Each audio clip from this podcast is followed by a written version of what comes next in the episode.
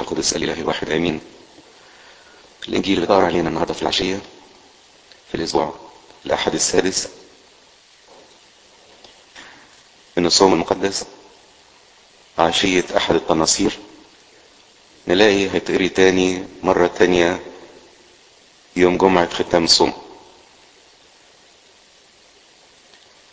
اللي بنسمع فيه الإنجيل ده بنسمع فيه الصوت اللي هيكون في آخر الأيام. أو الحكم الأخير اللي بيحكم بيه ربنا على الناس. اللي رفضوه ورفضوا وصيته ورفضوا رسالته. عشان كده الموضوع في غاية الأهمية. الكنيسة مش بس حطته كده مجرد تكرار النهاردة ويوم الجمعة الجمعة الجاية. لكن ده موضوع مهم جدا نخلي بالنا منه. ويبقى منهج لينا كل أيام حياتنا مش بس النهاردة. وإحنا بنقرب مع نهاية الصوم وإحنا بنقرب على طريق صليب ربنا يسوع المسيح أسبوع الالام لكن تكراره ده يبين أهمية الموضوع اللي ربنا بيدعينا ليه النهاردة ويكون معانا الموضوع ده كل أيام حياتنا لغاية آخر لحظة في حياتنا هنا على الأرض. اتعودنا إن إحنا نسمع من, ربنا يسوع المسيح كلام حنين كده دايما يستقبل الناس كويس ودايما يقول لنا كلام فيه رجاء وفيه محبة. فيه وداعة وفيه لطف. كل أحاديث ربنا يسوع المسيح مع الجموع. لكن النهارده يقول بقى خلي بالكم بقى لازم كل حاجة ليها نهاية. هيجي وقت هيتقفل الباب. الباب ده اللي اتفتح هيجي في وقت من الأوقات ويتقفل الباب ده. واحد يقول طب ربنا يعني ده مراحمه كبيرة. إزاي كده؟ هل بتيجي تقف في وقت معين كده وخلاص مفيش رحمة ربنا؟ لا رحمة ربنا بلا نهاية بلا حدود. لكن النهاية هي إن الباب هيتقفل أو الفرصة هتكون عدت. مش إن ربنا مراحمه عجزة إنها هتخلص الإنسان أو مقصر. لا ده هي الباب هيتقفل ويبقى الفرصة عليا. وأنا كان قدامي الفرصة. كل أيام حياتي هنا على الأرض الفرصة قدامي. عشان كده بقول الموضوع ده مهم. الكنيسة حطيته النهارده. حطيته لسه جمعة ختام الصوم. وهنعيش الموضوع ده كله خلال الأسبوع الالام والمسيح. عينه على الصليب. ورايح عشان يتمم الفداء. يقول لنا خلي بالكم الموضوع مش هزار. هو بيبقى حنين معانا في أيام كتيرة وبيكون وديع ودايما بيدي للإنسان رجاء لكن كل حاجة ليها في النهاية حدود وليها نهاية لازم الواحد ينتبه للوقت ده. عشان كده انجيل العشاء النهارده في منتهى الأهمية. لأنه إحساسات ومشاعر الأيام الأخيرة. عشان كده ربنا يسوع المسيح يقول هو كان يجتاز في كل مدينة وقرية يعلم عمل يتمم رسالته في كل حتة وهو ماشي وهو سائر إلى أورشليم عينه على الصليب عينه على الفداء اللي بيتممه للبشر كلهم والناس بتسأله يعني طب أنت الكلام اللي بتقوله ده ساعات بيبقى صعب فهل قليل هم الذين يخلصون؟ وهنا ربنا يقول لهم السكة يقول لهم جاهدوا حتى تدخلوا من الباب الضيق جاهدوا عشان تخشوا من الباب الضيق ما لهمش يخشوا من الباب ده إحنا عارفين هو قال قبل كده الطريق المؤدي للحياه ضيق وكرب. لكن المؤدي للحياه الأبدية. لكن النهارده يقول لنا بقى إيه؟ جاهدوا. في حتة عليك. حتة على كل واحد مننا. هي الجهاد. عشان يقدر يتمم الخلاص. يعني يقول اتعبوا شوية. أنا جيت من السماء خدت الجسد الترابي بتاعكم شبهتكم في كل شيء ما عدا الخطية. وهكذا الصليب هاخد كأس الموت ده هموت عن البشرية كلها عشان أدي الإنسان حياة أبدية. هرفع عنه الموت. يبقى بس المطلوب منك إنك أنت بتاخد المسيح بتاخد حياة المسيح وتعيش بيها عشان توصل للحياة الأبدية. وده الموضوع اللي هو عايز جهاد. مش الواحد ياخده كده موضوع مسلم المسيح فداني جه على الأرض وتجسد خد الجسد بتاعنا ومات على الصليب وقام. وصعد للسماوات وإحنا كلنا اوتوماتيك كده نروح السماء ويكون لنا الفداء. هو حطنا على أول السكه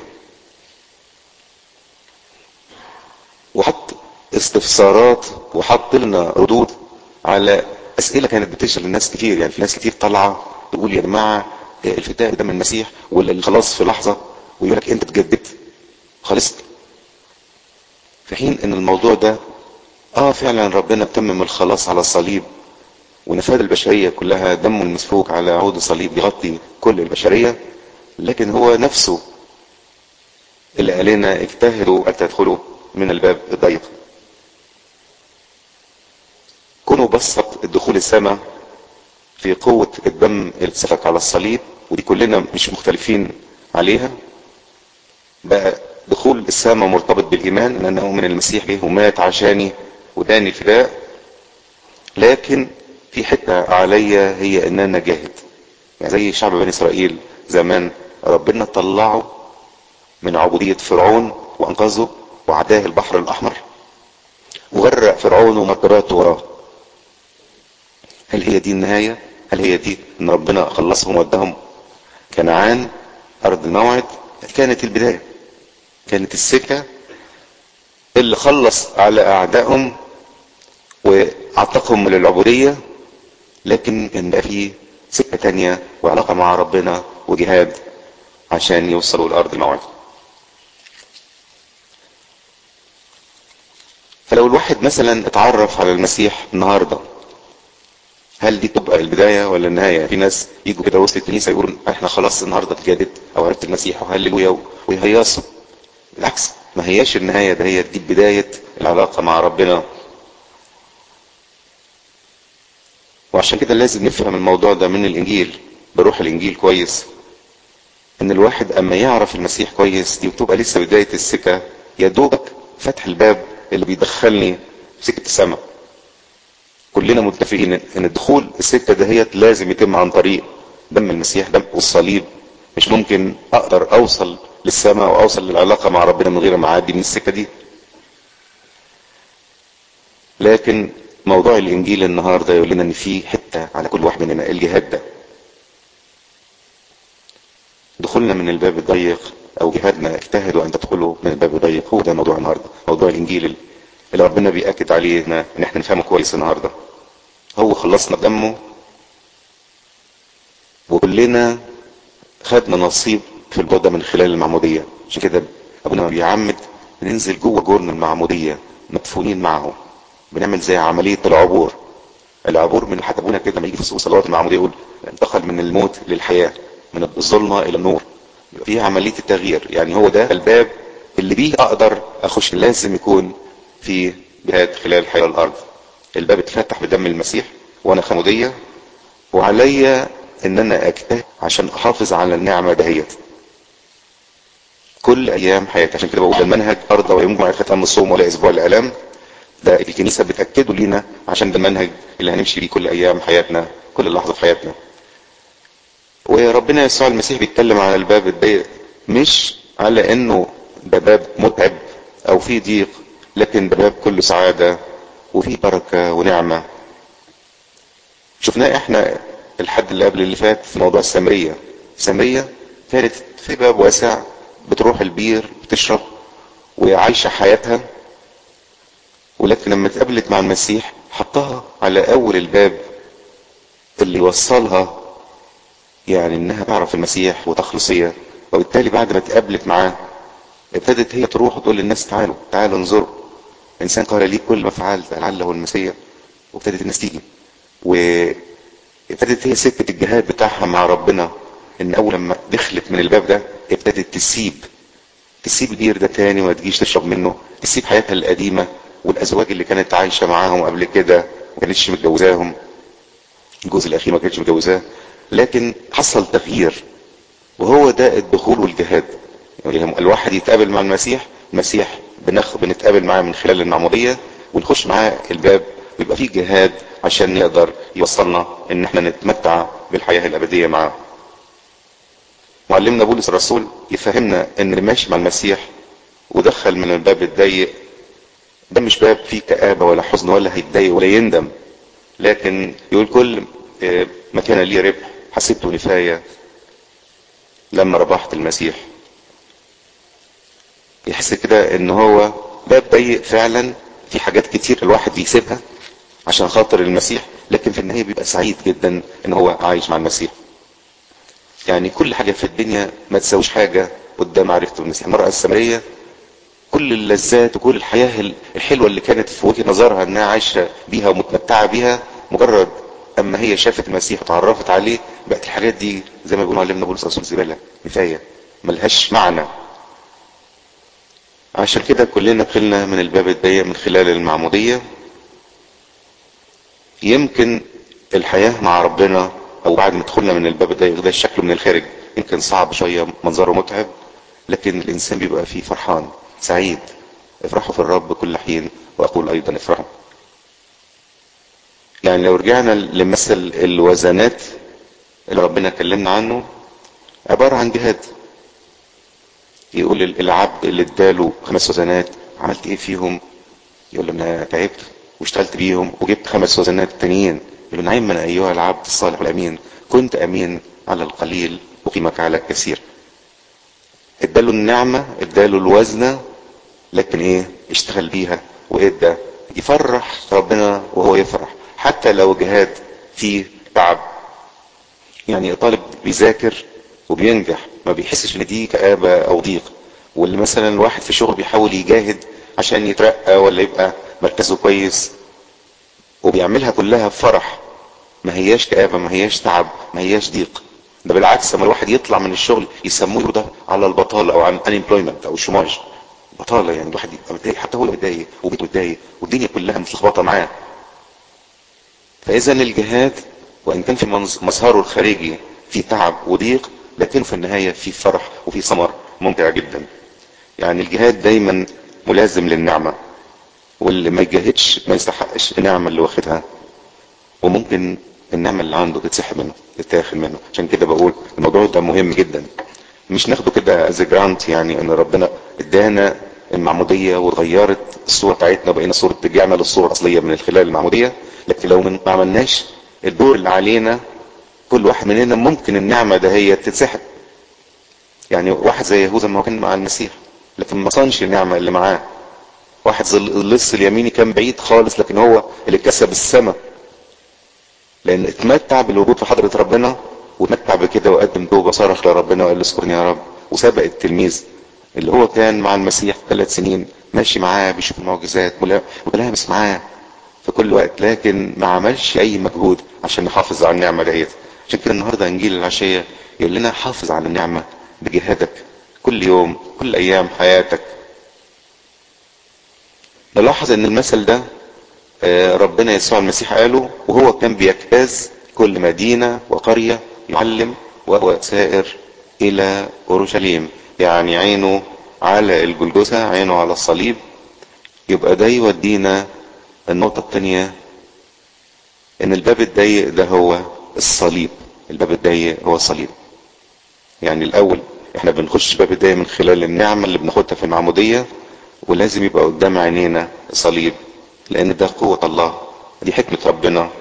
ده الحب والبذل. والصليب ده أجمل حاجة في المسيحية. واحلى ما فيها. المسيحية من غير الصليب ما يبقى أي قيمة. كده معلش الرسول يقول عند الهالكين جهالة لكن عند المخلصين قوة. الصليب مش معناه تجربة أو ضيقة أو يعني الواحد في مرض. ساعات الواحد يقول ده أنا صليبي كبير أو نتيجة الضيقة ونتيجة الاتعاب والحاجات دي. الصليب معناه الصغبة اللي بنستبق بيها إحنا كمسيحيين. الإنسان بيصل بيها الأهواء مع الشهوات.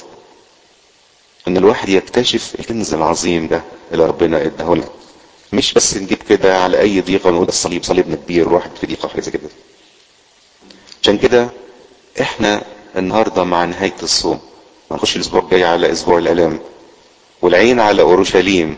يا ريت الواحد دايما يركز نظره على أورشليم زي المسيح. يبقى واخد من روح المسيح. مرة كان التلاميذ ماشيين مع المسيح لكن المسيح كان مركز. نظره على أورشليم ومرة على السامرة وبعدين شعب السامرة ما استقبلوش استقبال كويس. التلاميذ بقى بحماس كده قال له قالوا له يا رب إيه ده؟ ده ما عبروناش ما تطلب نار من السماء تنزل عليهم. قال لهم أنتم لستم تعلمان من أي روح عندهم ده أنتوا واخدين روح ربنا. فالإنسان اللي مركز على الصليب ما يشوفش حاجة تانية ولا الضيقات ولا الأتعاب. ولا المشاكل اللي في العالم تقدر تحول نظره على الصليب مش كده يقول يوحنا في انجيله كان صاعدا إلى أورشليم والنهاردة في إنجيل معلمنا لوقا يقول كان يكاز في قرى كل مدينة وقرية يعلم وهو سائر في أورشليم يعني كان دايما بيثبت نظره على أورشليم على الصليب. والفترة دهيت جت بعد حادثة التجلي لما كان على جبل التجلي وأضاء كوكب الشمس. كانت كل اتجاهات ربنا للصليب. وكان دايما ينبههم هو ماشي في كده يقول لهم ابن الإنسان يسلم لرؤساء الكهنة وللشعب ويصلب ويموت. ثالث يوم ثالث وثالث يوم يقوم. فعايز يوصل لهم إن الباب الضيق ده هو الصليب. السكة اللي من غيرها مش ممكن الواحد يوصل للمجد ويوصل للعلاقة مع ربنا. بالرغم إن يمكن المنظر من بره منظر عار ومنظر مؤلم.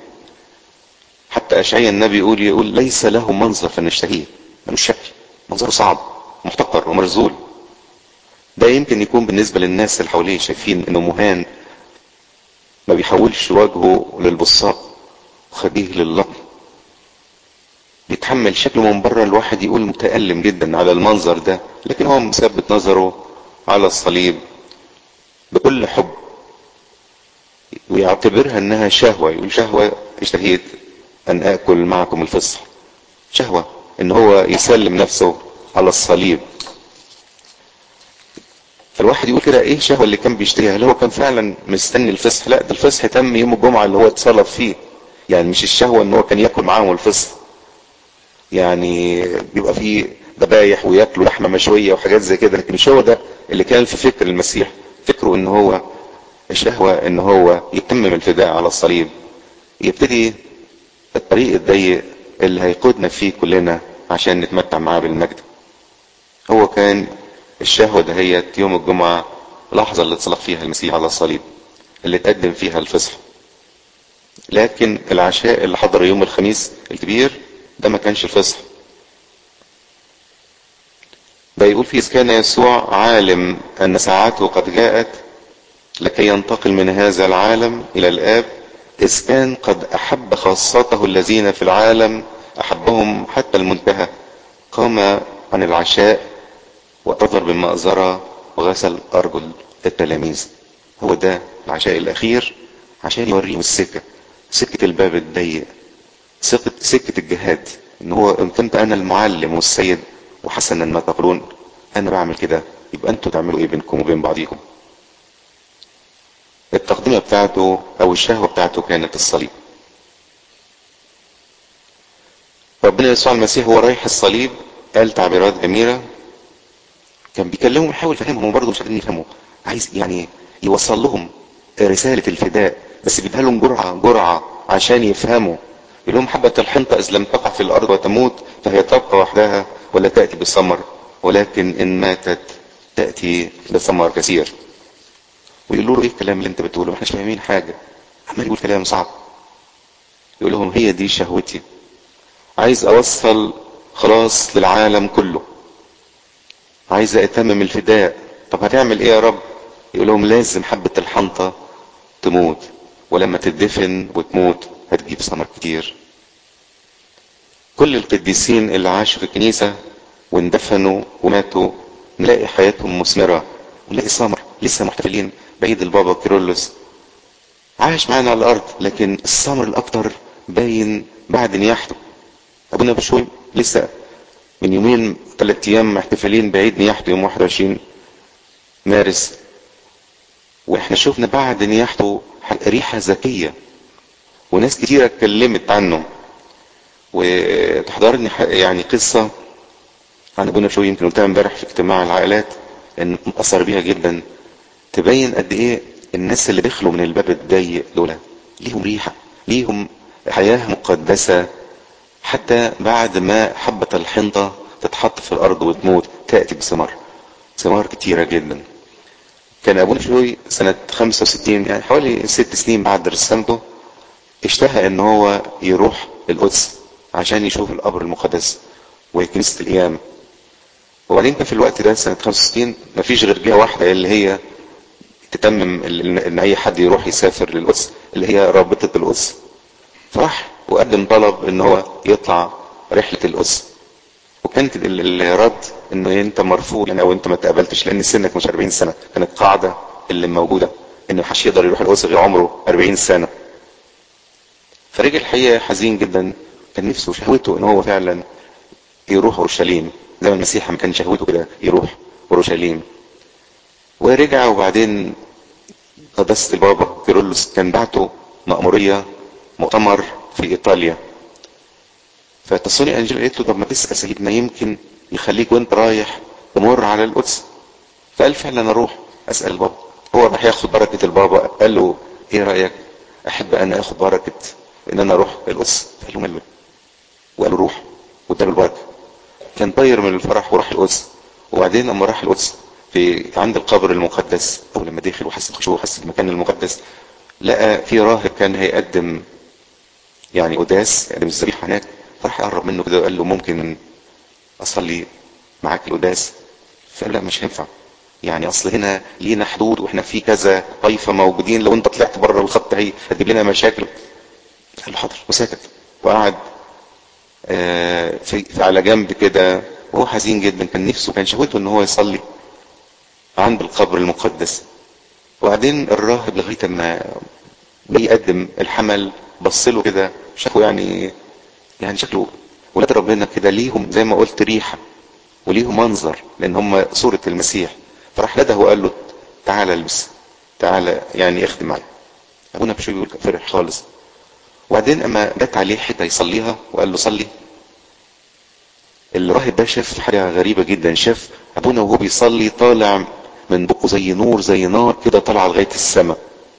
فيعني ذهل جدا لغاية بعد ما خلص القداس بيساله قال له أنت مين؟ أنت مين أنت؟ استغرب يعني قال ده إيه ده جاي من السما ده ولا إيه ده؟ قال أنا أبونا مشهور من اسكندريه قال له أنا شفت كذا كذا كذا. إيه الحكاية؟ قال له ما فيش حاجة. قال له طب من فضلك ما تقولش حاجة زي كده غير لو أنا اتنيحت قبلك يعني أو صرحت السما قبلك ليك الحل إنك أنت تقول حاجة زي كده. وفعلا لفت الأيام أبونا بشوي اتنيح سنة 79 21 مارس. وبعدين كان في رحلة من اسكندرية رايحة دير. كان الراهب ده رجع تاني ديره.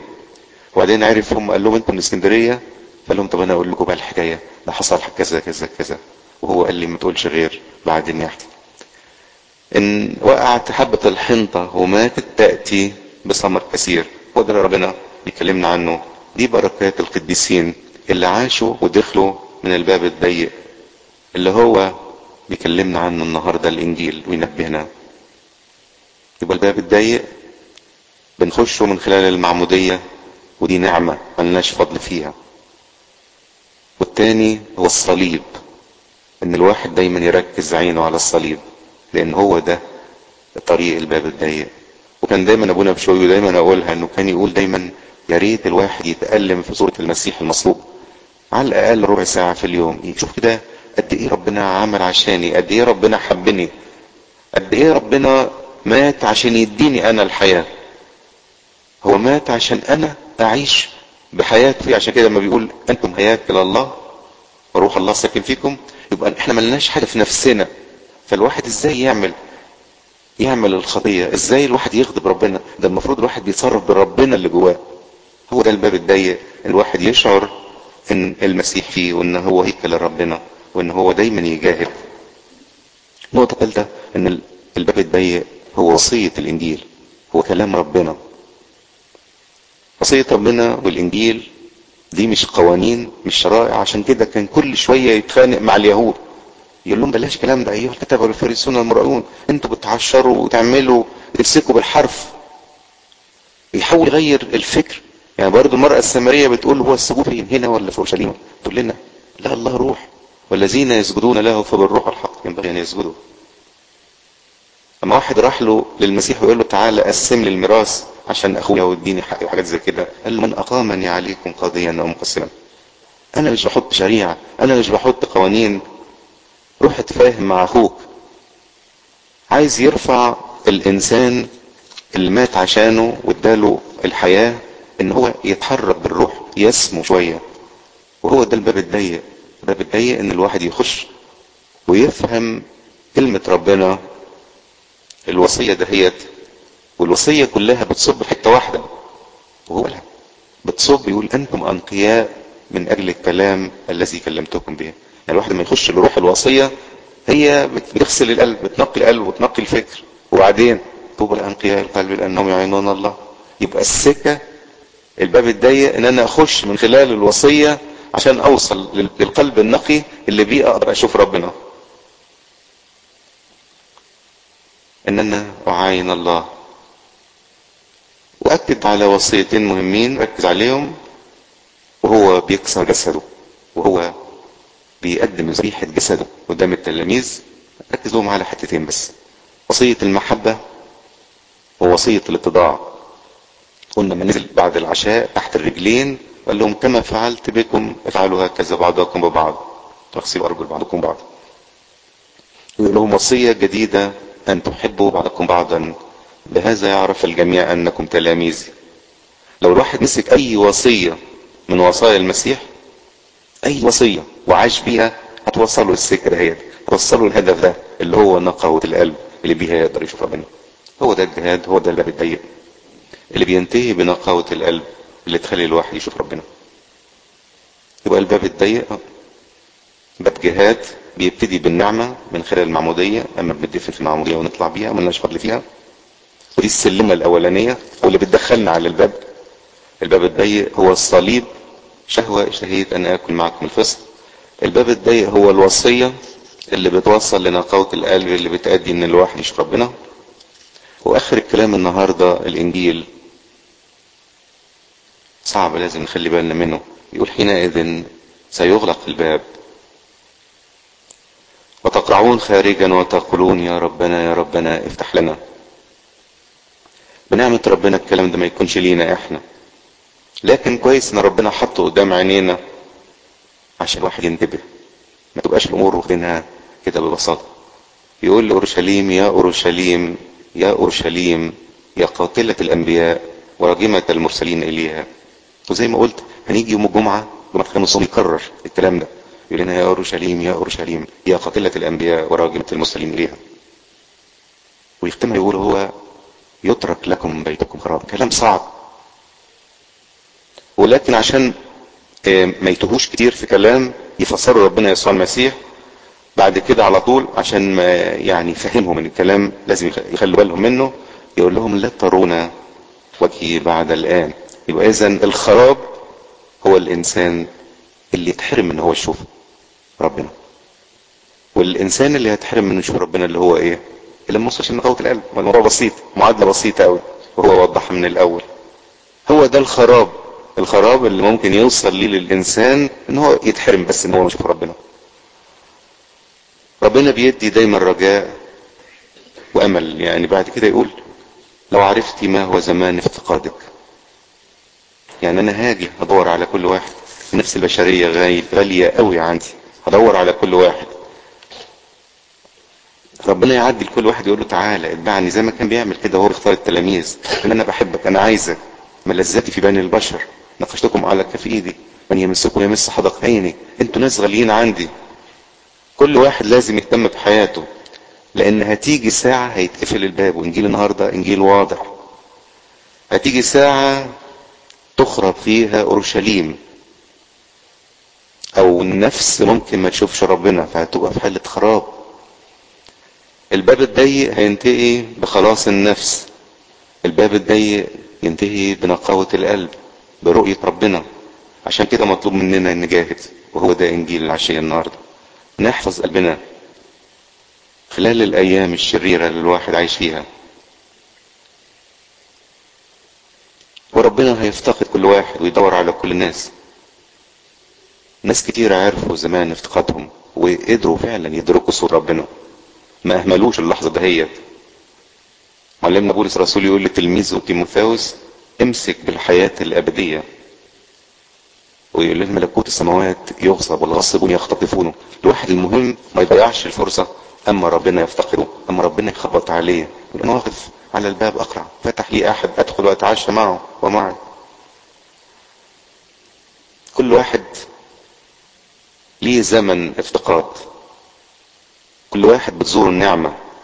ويعتبر ده هو بداية الجهاد مش النهاية. مش أنا خلاص أنا اتكتت وأنا خلاص. لا دي يكون بداية. الواحد لما ربنا يلبس قلبه ده يبقى هو ده بداية السكة سكة الجهاد. مهم ما تفوتش الفرصة من الواحد.